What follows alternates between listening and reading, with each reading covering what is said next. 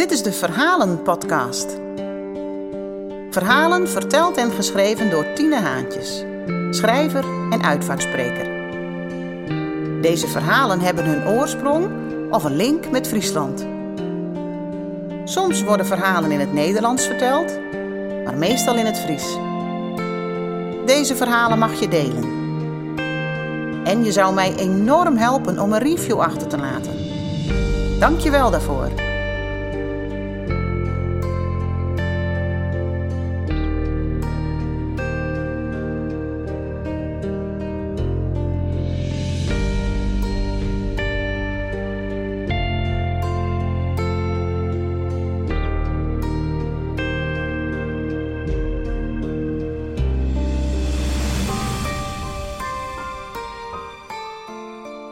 In deze podcast het levensverhaal van Margje Oom Boonstra uit Balk. Zij stierf op vrijdag 8 september. Bij haar afscheid legden de vier kleinkinderen haar lievelingsbloemen op de kist. Orchideeën. In het volgende verhaal horen we hoe ongelooflijk blij zij met de kleinkinderen was. Kleinkinderen met een hoofdletter K. Margje Boonstra is geboren op 22 september 1946 op de Lange Ekers in Oude Haske, wat toen nog de Polderdijk werd genoemd.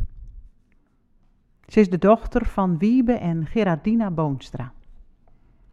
Twee jaar na Margje werd haar broer Sietse geboren.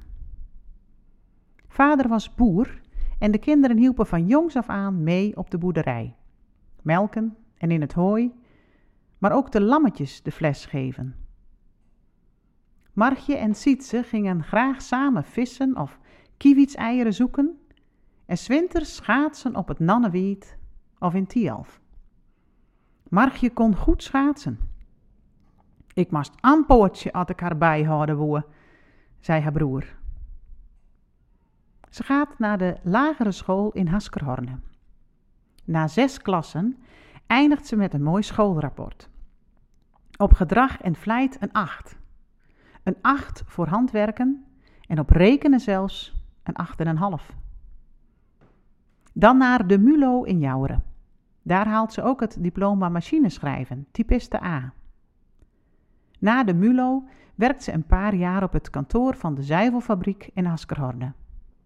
Later werkt ze bij boekwinkel Holtrop in Jouweren. Dat vindt ze mooi werk. Vooral het contact met de mensen vindt ze leuk. leuk.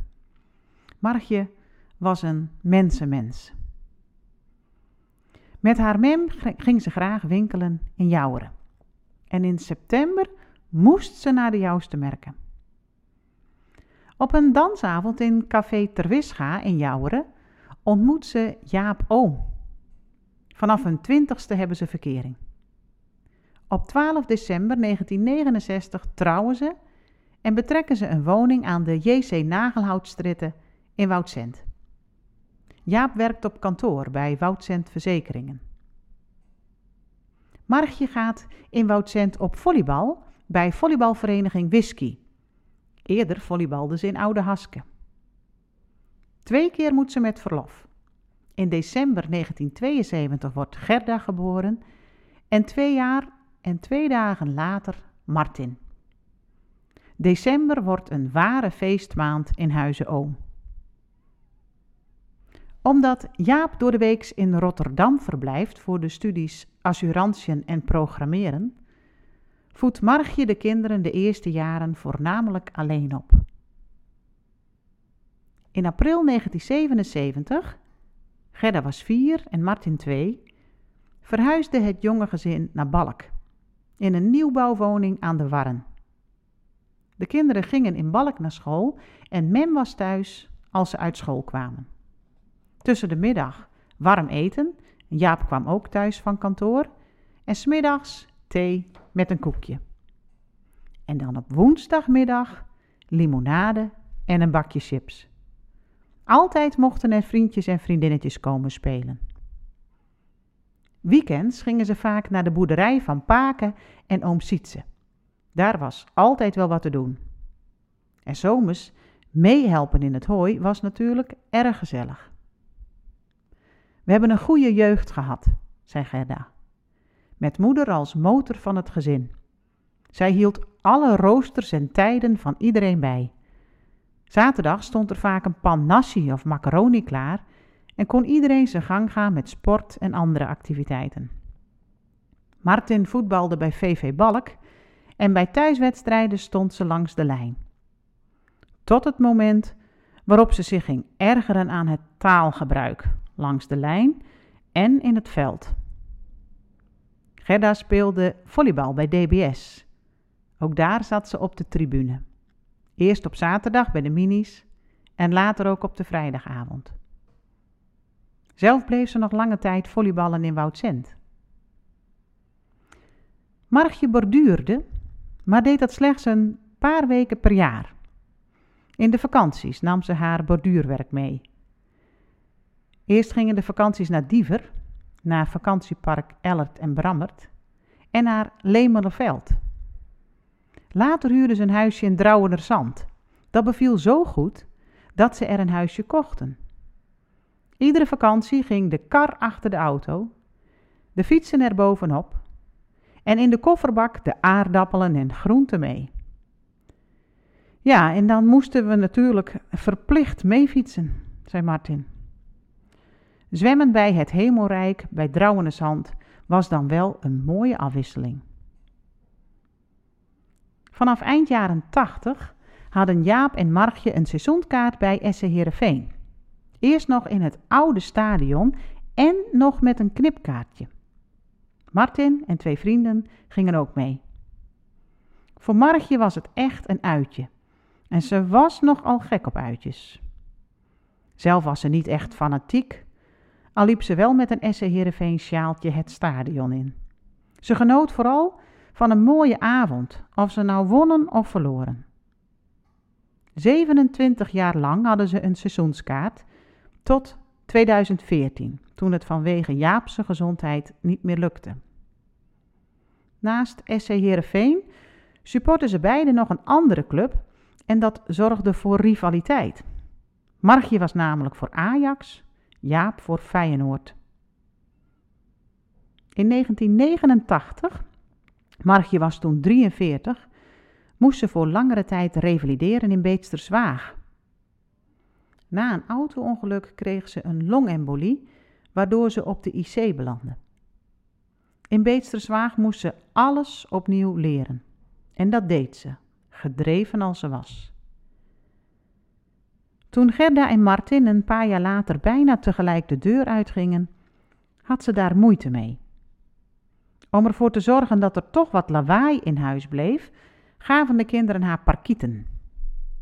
Martin kwam na zijn studie nog weer even thuis wonen en toen kon Mem hem weer een poosje vertroetelen.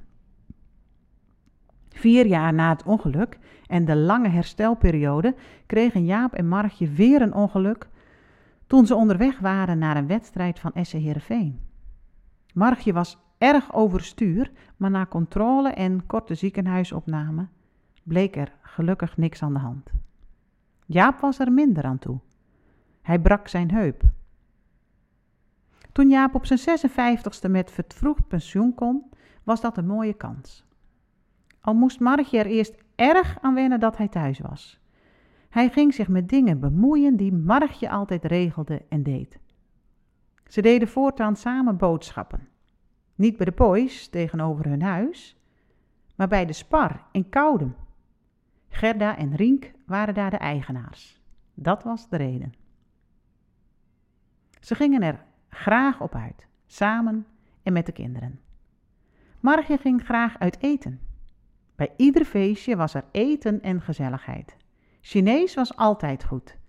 En de laatste jaren hield ze ook erg van sushi. Jaap's, na Jaap's pensioen gingen ze de flitter op naar beurzen, op vakantie of te fietsen. De fietsvierdaagse in Drenthe bijvoorbeeld. Op beurzen zochten ze naar uitbreiding van hun verzamelingen. Jaap verzamelde postzegels en Margje vingerhoedjes en sigarenbandjes. Naast dat ze nog altijd graag naar hun eigen vakantiewoning in Drouwende Zand gingen, maakten ze ook verdere reizen. Vaak waren dit groepsreizen, busreizen waarbij ze hun eigen fiets meenamen en van hotel naar hotel fietsten. Zo kwamen ze in de Dolomieten, Oostenrijk, Kroatië, Duitsland en Hongarije. De natuur, de bergen had een enorme aantrekkingskracht op ze. In 2007 komt Gabri erbij in de familie. Martin en Gabri wonen samen in Apeldoorn. Een jaar later wordt in Franeker bij Gerda en Rink een eerste kleinkind geboren, Jarno.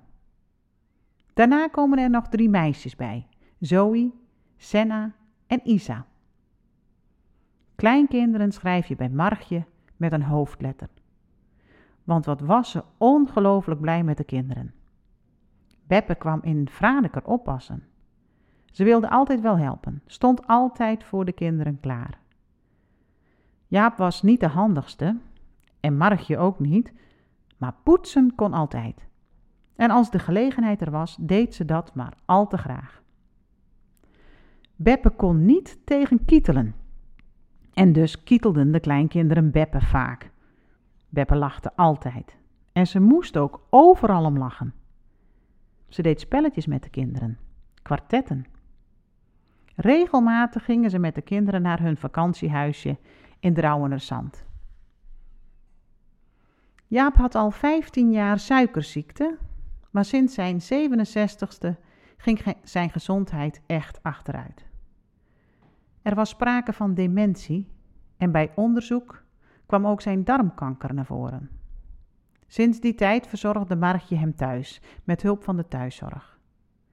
Tot het niet meer ging en Jaap werd opgenomen in het hospice in Sneek. Daar overleed hij op 26 februari 2018. Margje ging niet bij de pakken neerzitten, al vond ze de donkere dagen in het najaar vervelend. Ze knapte het huis op, zette s'avonds de tv aan, keek naar de sport, deed kruiswoordpuzzels en ook wel legpuzzels. Ze fietste en genoot nog altijd van de natuur, de bossen in Drenthe en Gaasterland. Ze had goed en fijn contact met de buren op de Warren. En ze ging regelmatig naar Apeldoorn of Franeker. Ieder jaar ging ze op, de fiets, op fietsvakantie met Jarno. De eerste jaren paste zij op Jarno. De laatste vakantie paste hij op haar. Sinds de staaroperatie van drie jaar geleden ging haar zicht achteruit. Ze keek uit naar de dagjes weg met de kinderen. De laatste weken spaarde ze voor het volgende uitje, in de herfstvakantie naar Burgersoe. Ze spaarde daarvoor de zegels van de plus. Zo had ze ook dagelijks even een fietstochtje, of twee, naar de supermarkt. Al een paar maanden was ze niet fit. Haar klachten leken op een griepje, maar het knapte maar niet op. Ze kreeg ook last van haar been. Dat leek een trombosebeen, maar daar slikte ze medicijnen voor, dus dat kon eigenlijk niet. Op 1 augustus ging Gerda met Mem naar de dokter. Die vertrouwde het niet. In het ziekenhuis bleek dat de pijn toch van trombose kwam.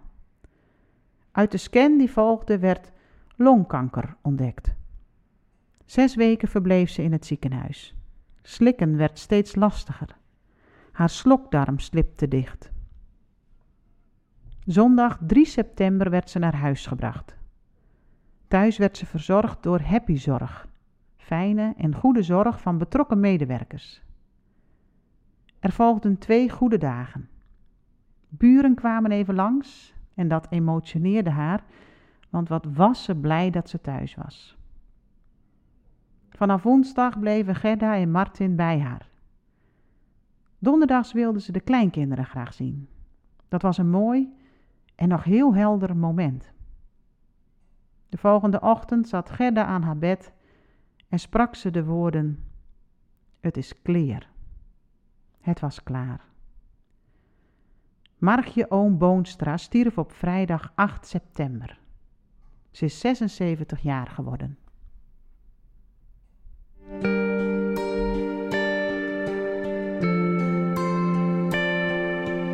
Bedankt voor het luisteren. En binnenkort verschijnt er weer een nieuw verhaal. Twee keer per maand op zondagochtend kun je luisteren naar een nieuw levensverhaal. Wil je dit verhaal delen? Dat mag. Er is uiteraard toestemming voor gegeven. Wil jij een levensverhaal laten beschrijven? Van jezelf of dat van een naaste? Ga dan naar tinecommunicatie.nl slash levensverhalen. Daar vind je ook alle informatie om mij in te zetten als uitvaartspreker. Onsjen of tot horens.